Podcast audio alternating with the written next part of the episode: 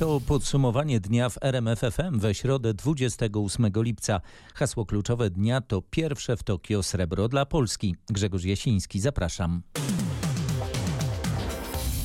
Zaczynamy od długo wyczekiwanej dobrej sportowej wiadomości. Agnieszka Kobus-Zawojska, Marta Wieliczko, Maria Sajdak i Katarzyna Cilman wywalczyły srebrny medal w olimpijskim finale wioślarskich czwórek podwójnych. Zwyciężyły Chinki, a trzecie miejsce zajęły Australijki. To pierwszy medal wywalczony przez Polskę w Tokio. Tę sportową rywalizację obserwował na miejscu nasz dziennikarz sportowy Patryk Serwański. Udało się rozwiązać ten worek z medalami. Polki zaczęły spokojnie, zajmowały nawet piąte miejsce z dużą stratą do prowadzących Chinek. Do przodu wyrywały się także Holenderki i Niemki. W połowie dystansu Polki były już na miejscu trzecim, wyprzedziły reprezentację Holandii. Strata do Niemek i do Chinek była duża, no, ale nasza załoga jest bardzo doświadczona. Polki dobrze rozłożyły siły i w końcówce no, odrabiały bardzo szybko ten dystans do Niemek, które zapłaciły za to y, mocne tempo, które sobie narzuciły. Ostatecznie Polki wyprzedziły reprezentację Niemiec, Chinki ze złotym medalem, Polki ze srebrem. To jest najważniejsze. Mamy pierwszy medal tutaj w Tokio. No i skład naszej osady. Agnieszka Kobus-Zawojska, Marta Wieliczko, Maria Sajdak i Katarzyna Cilman. To jest drugi z rzędu medal tej osady na Igrzyskach w Rio de Janeiro. Pięć lat temu Polki były na miejscu trzecim. A tak na gorąco opisywały ostatnie metry Katarzyna Cilman i Maria Sajdak. Agnieszkę tylko słyszę, brąz, srebro, srebro, czarna ściana, tylko patrzę, czy po bojach nie lecę, nie? Ja tylko pamiętam Niemki, które tak się przesuwały. Tak, one, ja po prostu tylko usłyszałam Niemki i po prostu jeszcze, wie, jeszcze, wie, jeszcze więcej, jeszcze mocniej, jeszcze mocniej. Finish, jest, jest, po prostu mamy to. To sukces dzięki świetnemu przygotowaniu taktycznemu do tego startu, przekonuje Adam Korol, były wioślarz, mistrz olimpijski z Pekinu, a obecnie ekspert Eurosportu. Nie prowadziły od początku, nie były drugie, nie były trzecie. Większość dystansu na czwartej pozycji, ale w tej drugiej części dystansu i później w tej ostatniej, na ostatniej 500 przesuwały się ciągle do przodu, umacniały się później już na trzeciej pozycji. Minęliśmy Niemki, naciskały nas, nas Australijki, Chinki, które odpłynęły, minęły już linię mety, a my jeszcze, my jeszcze płynęliśmy. I nasz dziubek pojawił się drugi na, na tej linii mety, za nami wpłynęły Australiki i zdobyliśmy pierwszy medal dla wioślarzy, ale także pierwszy medal dla reprezentacji, polskiej reprezentacji olimpijskiej. Te dziewczyny naprawdę piszą piękną polską historię. Musiałyśmy dać z siebie wszystko, a warunki nie były łatwe. Ten medal to zwieńczenie pięciu lat ciężkiej pracy. Tak już na spokojnie mówi RMFFM Maria Sajdak. Powiem szczerze, że jest to niesamowite uczucie. Jesteśmy wszystkie bardzo szczęśliwe. Jest bardzo ciężki, nie tylko ciężarem, ale też pracą i pięcioma latami przygotowań. No właśnie, co się czuje, gdy człowiek osiąga tak ogromny sukces, no, który poprzedziły setki godzin treningu?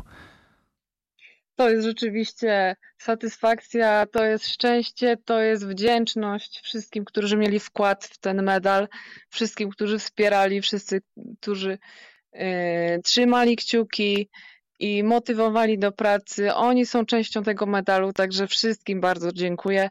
I wam oczywiście zatrzymane kciuki również. Wszystkim. Były trzymane, były trzymane kciuki oczywiście. E, powiedz, czy byłyście pewne e, swojego, startując w finale, że jedziecie po medal? My byłyśmy pewne, że jedziemy po medal. No to, to znaczy, że będziemy o niego walczyć oczywiście, natomiast wiedziałyśmy, że mamy na niego realną szansę i że to jest nas, nasz właśnie cel i to musimy osiągnąć. I musimy dać z siebie rzeczywiście wszystko, bo stawka, tak jak widzieli, widzieliście wszyscy, tak jak myśmy to przeżywały, stawka rzeczywiście była wyrównana i musiałyśmy dać naprawdę z siebie wszystko, a warunki też nie były łatwe i nie pomagały na pewno. Z Marią Sajdak, srebrną medalistką, rozmawiał Tomasz Weryński. A kolejne dziś dobre wiadomości z Tokio to zwycięstwo siatkarzy z Wenezuelą 3-1 i wygrana Igi Świątek i Łukasza Kubota z francuskim mixtem Ferro Herber. Sportowiec nie może obawiać się presji, nie może myśleć, co się stanie, jak mi się nie uda. Nie może myśleć o konsekwencjach startu. Musi być skoncentrowany tylko na wyniku. Tak mówi Robert Korzeniowski. Czterokrotny mistrz olimpijski był gościem rozmowy w samo południe w RMFFM. Sportowiec musi robić coś dla wyniku, a nie dla milionów kibiców. Kiedy sobie trenujemy, jesteśmy na zgrupowaniach, w tej fazie przygotowawczej, to warto mieć tę świadomość, że nie reprezentujemy tutaj samych siebie tylko. Ale kiedy stajemy na starcie, korcie, bieżni, hali sportowej, naprawdę musimy mieć, i może przepraszam za wyrażenie, ale taki, takiego ducha zabójcy. Tam się nic innego nie powinno liczyć. Dopiero kiedy wychodzimy z tego pudełka, jesteśmy fajnymi gośćmi, którzy e, robią coś dla siebie i dla milionów. Ale oczywiście to wpływa na to, na to poczucie, tylko że naprawdę sportowiec powinien e, robić w tu i teraz e, coś dla zwycięstwa, a nie dla milionów. A kłębią się w głowie sportowca przed startem takie myśli, patrzy na mnie kilkanaście milionów Polaków. Jak zawiodę, co oni o mnie napiszą, No co to, oni to już powiedzą. takich sportowca się nie pisze potem. Bo jeżeli tak myśli sportowiec, to na ogół przegrywa. Ostatnia myśl, jaka powinna przyjść sportowcowi do głowy e, przed zawodami. Także taka myśl, jak przeskoczę próg, jak zdobędę medal, poprawię wynik, to otwierają się przede mną nowe szanse, będę rozpoznawalny, będą uznali moje nazwisko. Jest olimpijska maksyma, e, z łacińska mówią citius, altius, fortius. To jest bardzo proste. Szybciej, wyżej, mocniej. I w zasadzie to powinno siedzieć w głowach sportowców. Co z tego wynika dalej potem, e, to jest temat na, na zupełnie inne szachy już poolimpijskie. Powinniśmy być dla zawodników czasem bardziej litościwi, bo często kibice nie wiedzą, co dzieje się ze sportowcem przed startem. Traktujmy sportowców jak sportowców, a nie jak roboty. Tak w rozmowie z Mariuszem Piekarskim apeluje czterokrotny mistrz olimpijski. Oczekujmy sukcesów, ale nie osądzajmy zbyt szybko. Czy my mamy prawo stawiać takie twarde tezy jako kibice, wymagać, jedziesz po złoto, masz przywieźć to złoto. Kibic ma prawo oczekiwać super wyników, ale e, mnie irytują nieraz takie wymiany gdzieś tam na forach internetowych, czy nawet z przyjaciółmi nieraz mam takie wymiany, komentarze, że tam lepiej gra mój kolega e, na, tam na, na takim czy siakim korcie, albo gdybym wsiadł na rower, to to są inne warunki zupełnie, tak? I właściwie nie powinniśmy oczekiwać jakichś usprawiedliwień i tak dalej, ale powinniśmy być dla zawodników i proszę o to, czasami nieco bardziej litościwi, bo e, jeżeli widzimy, że zawodnik e, daje z siebie wszystko i e, po prostu przegrywa z lepszym, trudno mieć pretensje tutaj. Gorzej, gdy postawa mówi, że nie, nie, lekceważący ym, albo zapowiadał nie wiadomo co, ale e, tak naprawdę to w ogóle nie wchodzi w mecz. Bo mamy taką tendencję do zakładania medali sportowcom na igrzyskach przed startem. Ja uważam, że to nie jest też złe, bo się wszyscy bawią w to, społeczeństwo wciąga się i my nieraz e, e, myślimy o tych w kategoriach takich, takich wojennych, takich strasznie e, poważnych, narodowo-patriotycznych, ale e, no, to jest przede wszystkim sport i podejdźmy do tego jako do takiego ludzkiego, radosnego aktu i dajmy ludziom e, startować jak ludziom, a nie robotom. Cieszę się, że świat olimpijski nie jest skostniały, cieszę się z nowych dyscyplin olimpijskich.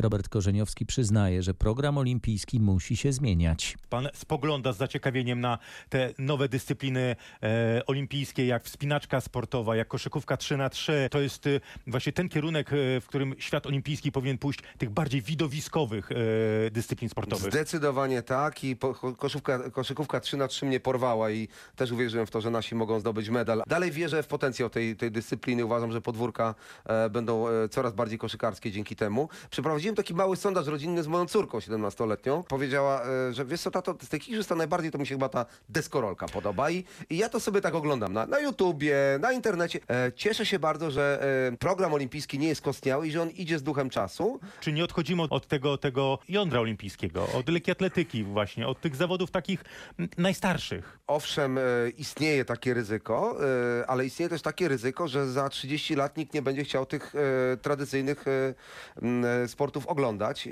i, e, i dlatego cały czas każda federacja e, pracuje nad tym, w jaki sposób uatrakcyjnić swój program, w jakie wprowadzać modyfikacje. Z Robertem Korzeniowskim rozmawiał Mariusz Piekarski. Jutro kolejny dzień zmagań w Tokio. Trzymajmy kciuki. Zmieniamy temat. Nie dwa, a pięć tygodni mają potrwać konsultacje społeczne w sprawie przepisów podatkowych Polskiego Ładu, poinformował dziś rzecznik rządu. To potężny, liczący ponad 200 stron projekt nowelizacji przepisów, które w założeniach mają zrewolucjonizować system podatkowy. Z tego powodu zaledwie dwutygodniowe konsultacje wywoływały sprzeciw ekspertów i organizacji społecznych. Wiemy, że on jest bardzo istotny, dlatego też ten najbliższy czas będzie przeznaczony na konsultacje społeczne. Zresztą też zapadła kierunkowa decyzja, aby te konsultacje, gdy będzie to tylko niezbędne, przedłużyć. One aktualnie są dwutygodniowe, ale najprawdopodobniej zostaną przedłużone do pięciu tygodni, tak aby wszystkie, em, wszyscy przedstawiciele różnych środowisk mogli się wypowiedzieć w tym zakresie. Mówił dziś Piotr Miller, rzecznik rządu. Podatkowe trzęsienie ziemi w Polskim Ładzie zakłada m.in. rekordową podwyżkę kwoty wolnej, próg podatkowy podniesiony do 120 tysięcy złotych, ale też brak możliwości odpisania od podatku składki zdrowotnej krytykowany przez przedsiębiorców. Zmiany mają wejść w życie z początkiem przyszłego roku. Prawo i Sprawiedliwość będzie musiało szukać większości dla uchylenia immunitetu Marianowi Banasiowi. To kolejna sprawa, w której porozumienie może nie chcieć głosować razem z koalicjantem. Przeciwko odebraniu ochrony prawnej szefowi Najwyższej Izby Kontroli opowiadają się też politycy opozycji. Ludowcy przekonują, że prokuratura i służby w sprawie Mariana Banasia działają na polityczne zlecenie, bo o podejrzeniach wobec szefa NIK-u organy ścigania wiedziały od dawna i nie decydowały się na stawianie zarzutów. Koło Konfederacji podkreśla, że instytucja immunitetu została stworzona właśnie po to, by chronić urzędników od nacisków partyjnych. Przeciwko wnioskowi prokuratury o zdjęcie ochrony prawnej z Mariana Banasia głosować będzie też Koalicja Obywatelska i Lewica, deklaruje Tomasz Trela z Nowej Lewicy. To jest e, problem tych, którzy stworzyli kryształowego Mariana. Po półtora roku przyznają nam rację, że jest coś nie halo z oświadczeniami majątkowymi. Opozycja jednocześnie nie przesądza, że zarzuty formułowane wobec Banasia nie mają pokrycia w rzeczywistości. Wniosek prokuratury jest obecnie analizowany przez sejmowych prawników. Pod głosowanie ma zostać poddany po wakacjach. Informuje nasz reporter Roch Kowalski. Ludzie nominowani przez Prawo i Sprawiedliwość do NIK-u próbują blokować pracę nad raportami krytycznymi dla rządzących.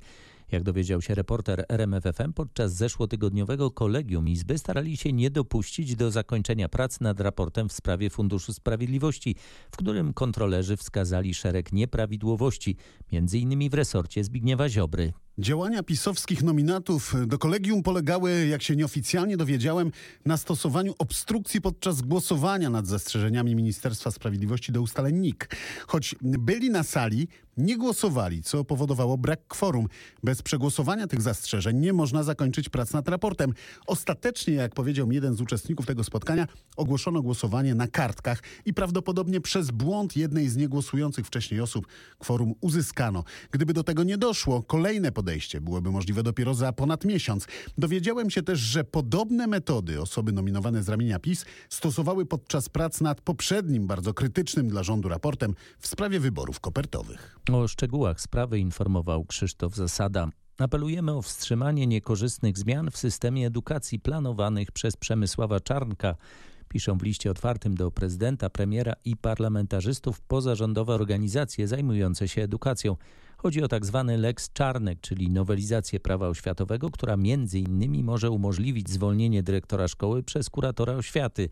Kto podpisał się pod tym apelem? Przedstawiciele kilkudziesięciu organizacji, od największego związku nauczycielskiego ZNP przez organizacje takie jak Rodzice Mają Głos, po edukacyjne think tanki Edukacja w Działaniu i Evidence Institute. Lista argumentów przeciwko nowelizacji jest długa. Te najważniejsze to ograniczenie autonomii szkoły, dyrektorów i nauczycieli, marginalizowanie rodziców, ideologizacja szkoły i ograniczanie uczniom dostępu do doświadczeń i wiedzy organizacji pozarządowych relacjonował nasz reporter Grzegorz Kwolek. 138 nowych zakażeń i 3 ofiary śmiertelne w covidowym raporcie Ministerstwa Zdrowia z ostatniej doby. W szpitalach zajętych jest 308 łóżek covidowych i 44 respiratory. W ciągu minionej doby wykonano 39 tysięcy testów.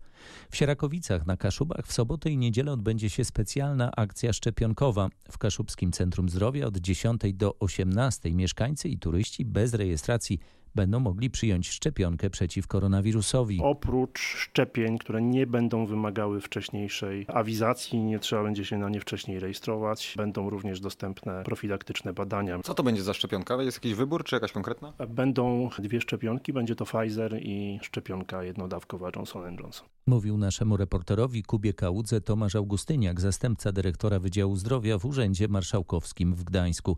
Sierakowice to gmina, która w Pomorskiem ma najniższy procent zaszczepionych, to niespełna 28% mieszkańców. 12 osób zostało rannych w zderzeniu autokaru z ciężarówką na autostradzie A1 w Strzelcach koło Kutna w Łódzkiem. Autobusem podróżowało 44 dzieci z powiatu piaseczyńskiego. Tak na gorąco relacjonowała to zdarzenie nasza reporterka Agnieszka Wyderka. Na szczęście obrażenia nie okazały się tak poważne i głównie są to otarcia, skaleczenia i potłuczenia. Dzieci w wieku od 12 do 16 lat stopniowo są badane przez lekarzy pogotowia i jeśli jest taka potrzeba, przewożone są do szpitali. Ze względu na upał dzieci czekają na te kontrolne badania w specjalnym autobusie z klimatyzacją podstawionym przez Straż Pożarną. Lekkie obrażenia odniósł także kierowca autobusu, który po lekarskim sprawdzeniu został na miejscu wypadku. Możliwe, że to on jest sprawcą tego zdarzenia, bo z pierwszych ustaleń policji wynika, że autokar najechał na tył ciężarówki z przyczepą. Wielonarządowe urazy spowodowane wybuchem przyczyną śmierci dwóch mężczyzn w Częstochowie. Takie są wstępne wyniki sekcji zwłok obu ofiar. Do eksplozji butli z acetylenem doszło przedwczoraj. Mężczyźni byli wówczas w samochodzie dostawczym, w którym przewożono takie butle. Co dalej ze śledztwem w tej sprawie? Prokuratura czekać będzie teraz na opinię biegłych. Specjalista z zakresu pożarnictwa ma ustalić, dlaczego doszło do tej eksplozji. Ale jak usłyszałem od prokuratora, konieczna będzie także analiza dotycząca sposobu przewożenia i odpowiedniego zabezpieczenia w samochodzie butli z gazem. Wreszcie Niezbędne będą też opinie inspektorów pracy. Mężczyźni, którzy zginęli, byli zatrudnieni w jednej z częstochowskich firm. Butle, które przewozili, wykorzystywali w pracy. Przedwczoraj po południu, wracając do siedziby firmy, zatrzymali się na chwilę na parkingu przed marketem i wtedy doszło do eksplozji. Informuje Marcin Buczek. Coraz niebezpieczniej jest na drogach w wakacje. W porównaniu z ubiegłym rokiem sytuacja jest poważniejsza i wszystko wskazuje na to, że pobijemy smutny rekord. Dane firm ubezpieczeniowych, które monitorują to, co się dzieje, potwierdzają policyjne statystyki. Od 1 lipca doszło do 2163 wypadków, zmarło 165 osób, a prawie 2,5 tysiąca zostało rannych. Na co jeszcze zwracają uwagę ubezpieczyciele? Na coraz większą liczbę zgłoszeń dotyczących holowań, lawet i aut zastępczych. Wszystkich wezwań jest prawie o jedną trzecią więcej niż rok temu o tej porze. Powodem może być większa liczba letnich wyjazdów po kilkunastu miesiącach pandemii, ale te dane powinny być sygnałem ostrzegawczym i przypomnieniem, że to sierpień jest miesiącem, w którym dochodzi do największej liczby wypadków, ostrzegają eksperci. W zeszłym roku, w drugim miesiącu wakacji było prawie 2600 wypadków, w których zmarło 239 osób, a 3078 zostało rannych. Główne przyczyny wypadków według ubezpieczycieli to wymuszanie pierwszeństwa i wypadki z udziałem pieszych. Informował Grzegorz Kwolek. Od 2015 do 2019 roku Wrocław wyprowadził najwięcej pieniędzy ze spółek wodno-kanalizacyjnych w Polsce. To blisko 80 milionów złotych. Te informacje przekazały dziś Wody Polskie, które nie zgodziły się na podwyżkę stawek za wodę i ścieki w stolicy Dolnego Śląska. Nie zgadzamy się na generowanie zysku w wielkości 9 do 11%. Gospodarka wodna i doprowadzanie wody dla mieszkańców to nie jest biznes. Ten proceder generowania zysków i wyprowadzanie pieniędzy przez właściciela się skończył. Nie godzimy się na wyprowadzanie pieniędzy, wydawanie na zupełnie inne cele, na kampanię wyborczą, na skwery, na najróżniejsze rzeczy. Te pieniądze muszą zostać w gospodarce wodnej. Podkreśla prezes Wód Polskich Przemysław Daca.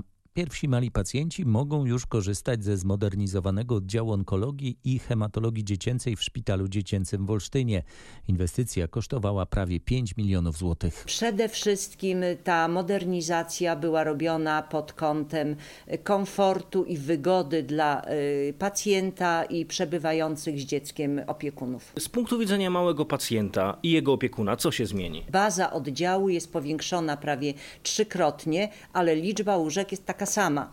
W związku z tym dla pacjenta komfort pobytu y, znacznie się poprawił. Nowoczesne, wygodne sale chorych, y, ta część sanitarna, łazienki, toalety, y, izolatki, śluzy. Są sale chorych dla niemowląt z takimi stolikami pielęgnacyjnymi, wanienkami, bardzo wygodne. Tego nie mieliśmy. Z dyrektorką szpitala Krystyną Pisko-Żogórek rozmawiał nasz reporter Piotr Bułakowski. Każdego roku w oddziale hospitalizowanych jest półtora tysiąca małych pacjentów. Duży sukces programu szczepień wśród nastolatków w Belgii. Prawie połowa szesnastolatków otrzymała już pierwszą dawkę szczepionki przeciwko koronawirusowi. Najwyższy wskaźnik jest we Flandrii. Najmniej chętnych do szczepienia nastolatków jest w Brukseli, gdzie mieszka wielu imigrantów przeciwnych szczepieniom. Sukces w tej grupie wiekowej jest tym większy, że szesnastolatkowie nie muszą w Belgii mieć zgody rodziców ani na piśmie, ani żaden dorosły nie musi towarzyszyć szesnastolatkowi podczas szczepienia. Tak więc są to zawsze decyzje samodzielne. Także 20% młodych od 12 roku życia albo zarejestrowało się na szczepienie, albo otrzymało już pierwszą dawkę. Belgijscy wirusolodzy są zadowoleni, bo ten wynik zmniejsza ryzyko zakażeń od września, gdy zacznie się rok szkolny, a także ryzyko przenoszenia choroby na starszą populację. Donosi nasza korespondentka w Brukseli Katarzyna Szymańska-Borginą. W centrum Londynu powstała sztuczna góra. Ma przyciągać ludzi na zakupy i oferować spektakularny widok miasta. Jest tylko pewien problem, powiedzmy natury estetycznej. Faktycznie góra jest olbrzymich rozmiarów, ale w niczym nie przypomina ambitnych planów. Miała być porośnięta drzewami i bujnymi krzakami, a w rzeczywistości to szkielet z metalu pokryty sztuczną trawą. Konstrukcja zaprojektowana przez słynne biuro architektoniczne już stała się pośmiewiskiem. By wdrapać się na jej szczyt, trzeba zapłacić 8 funtów, ale niezadowoleni z tej ekspedycji mogą starać się o zwrot pieniędzy za bilety. Budowa sztucznej góry, którą wzniesiono w pobliżu Oxford Street, kosztowała 2 miliony funtów. Cień, jaki rzuca na tę inwestycję, jest trudny do oszacowania. O czym informował nasz londyński korespondent Bogdan Frymorgan. Zaostrza się bitwa prawna wokół korridy we Francji. Sąd w nim na południu kraju odrzucił skargę organizacji broniących praw zwierząt ale te ostatnie zapowiadają dalszą walkę o delegalizację walk torradorów z bykami. Na południu Francji pojawiły się setki wielkich billboardów sfinansowanych przez fundację założoną przez byłą gwiazdę ekranu Brigitte Bardot, oskarżających organizatorów koridy o promocję przemocy wobec zwierząt. Sąd w nim przyznał wprawdzie, że w czasie koridy byki są narażone na cierpienia, ale podkreślił, że francuskie prawodawstwo chroni jednocześnie wielowiekowe tradycje kulturowe. Komentatorzy podkreślają, że w ciągu dwóch ostatnich lat Stowarzyszenie Obrony Zwierząt wytoczyły organizatorom koridy proces już w czterech miastach południowej Francji, ale za każdym razem przegrały. Donosi z Paryża nasz korespondent Marek Gładysz. W całej Polsce trwają przygotowania do pieszych pielgrzymek na Jasną Górę. W Lublinie przed archikatedrą ostatnia szansa, by się zapisać. Zostały tylko nieliczne miejsca. Ich liczba jest ograniczona ze względu na pandemię. Jednorazowo może maszerować 300 osób plus zaszczepieni. De facto z 1500 chętnych każdy przejdzie tylko jeden dzień. Tak jak w zeszłym roku, pątnicy będą dowożeni na szlak rotacyjnie. Podzieliłem e, nasze 20 grup na e, kon konkretne odcinki i każdego dnia pielgrzymuje trzy grupy. E, do 300 osób włącznie wyjeżdża na trasę.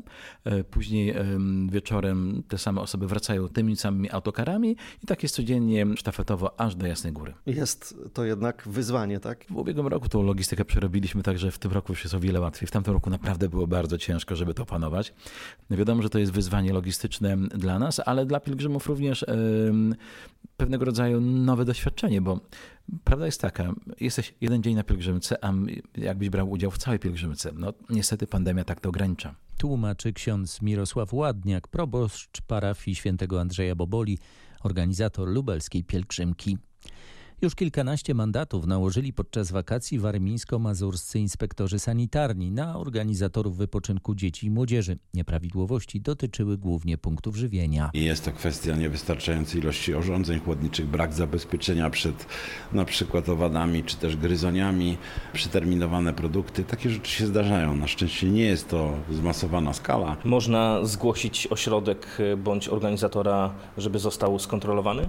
Tak, my z takiej e, pomocy korzystamy. Jeżeli pojawią się jakieś niepokojące sygnały, to zawsze prosimy o kontakt.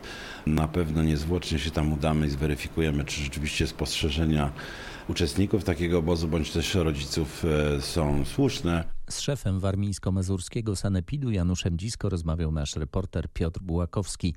Tak wielu turystów w lipcu w Tatrach nie widziano od lat. Zazwyczaj szczyt sezonu wakacyjnego przypadał na sierpień. Tym razem jest inaczej, bo okazuje się, że turyści wystraszyli się wizji kolejnego lockdownu i na dodatek chcą jak najszybciej wykorzystać bon turystyczny. Pierwsze informacje ministra zdrowia mówiące o tym, że zbliżamy się do czwartej fali e, i że musimy się liczyć z, z, z konsekwencjami tego, e, tej czwartej fali spowodował, że wielu turystów z sierpnia przełożyło swoje rezerwacje e, na lipiec. Stąd tylu turystów, stąd tylu odwiedzających Tatry. Bo każdy boi się tej nieobliczalności naszych rządzących i nikt nie wie co będzie, więc po prostu zauważamy to, że klienci chcą jak najwięcej tych bonów wykorzystać właśnie w tym momencie, właśnie w te wakacje. Mówili Agata Wojtowicz z Tatrzańskiej Izby Gospodarczej i Łukasz Filipowicz, właściciel jednego z zakopiańskich pensjonatów. A już jutro Tatrzański Park Narodowy zamierza zamknąć kolejny szlak prowadzący na Orląperć. To bardzo ważne dla planujących wycieczkę tym najtrudniejszym szlakiem w Tatrach, bo nie będzie można zejść z niego we wszystkich dostępnych do tej pory miejscach. Od jutra zamykamy szlak z hali gąsienicowej na Kozią Przełęcz. Szlak ten będzie remontowany i będą tutaj wykonywane nowe stopnie skalne. W dalszym ciągu trwają prace na szlaku prowadzącym z Doliny Pięciu Stawów na Przęż Krzyżne i w najbliższym czasie spodziewamy się zamknięcia Orlej Perci. Przemieszczając się Orlą Percią mamy do dyspozycji kilka szlaków zejściowych, dlatego warto sobie sprawdzać komunikat turystyczny stronę Doliny Pięciu Stawów, Żlebem Kulczyńskiego, szlakiem z Zadniego Granatu, z szlakiem prowadzącym na Skrajny Granat, z Przemyczy Krzyżne do Doliny Pańszczycy. Wyliczała Marta Mazik z TPN. Po intensywnych opadach deszczu i kolejnych upalnych dniach w lasach zaczynają się pojawiać pierwsze grzyby. Epidemiolodzy przypominają jednak, że nawet najbardziej zaprawieni grzybiarze mogą czasem się mylić. Jak więc uniknąć zatrucia grzybami? Nasz reporter pytał w poznańskim Sanepidzie, w którym w sezonie działa punkt konsultacji grzybowych. Po pierwsze, wybierając się na grzyby, należy zabrać atlas, dobry atlas z kolorowymi fotografiami. Po drugie, zbierając grzyby, należy zbierać tylko takie owocniki dorosłe, dorodne, które mają wykształcone swoje właściwe cechy charakterystyczne dla danego gatunku. Jeśli zbierzemy mały owocnik, no to nie mamy, nie wiemy, czy to jest grzyb blaszkowy, czy to jest grzyb rurokowy. Nie zbieramy nigdy grzybów do plastikowych worków, ponieważ one ulegają zaparzeniu i mogą stać się przyczyną zatrucia pokarmowego. Zbieramy do przewiewnych koszyków. Jeśli mamy wątpliwości co do tego gatunku, nie zbierajmy, a jeśli już go zebraliśmy, mamy wątpliwości, zapraszamy do nas. Na jakiej zasadzie można do Państwa się zgłaszać? Zadzwonić do nas, umówić się. Zawsze jakiś grzyboznawca jest na miejscu w godzinach 9-14. Usłyszał od grzyboznawcy Jerzego Rumińskiego z poznańskiego Sanepidu nasz reporter Mateusz Chłystun. Na koniec podsumowania dnia za synoptykami Instytutu Meteorologii i Gospodarki Wodnej przestrzegamy przed burzami z gradem. Ostrzeżenia drugiego stopnia aktualne są dla województw łódzkiego i podkarpackiego do godziny 22, kujawsko-pomorskiego, tu alerty obowiązują do północy, dla Mazowsza, Lubelszczyzny, Świętokrzyskiego i Małopolski do godziny drugiej w nocy. Grzmieć może także na Opolszczyźnie, w zachodniej części Wielkopolski i na Pomorzu. Dla tych województw, a także warmińsko-mazurskiego i podlaskiego, Instytut Meteorologii i Gospodarki Wodnej wydał ostrzeżenia pierwszego stopnia. Tyle na dziś. Na kolejne podsumowanie dnia w RMFFM zapraszam jutro wieczorem. Grzegorz Jasiński, dziękuję. Dobrej nocy.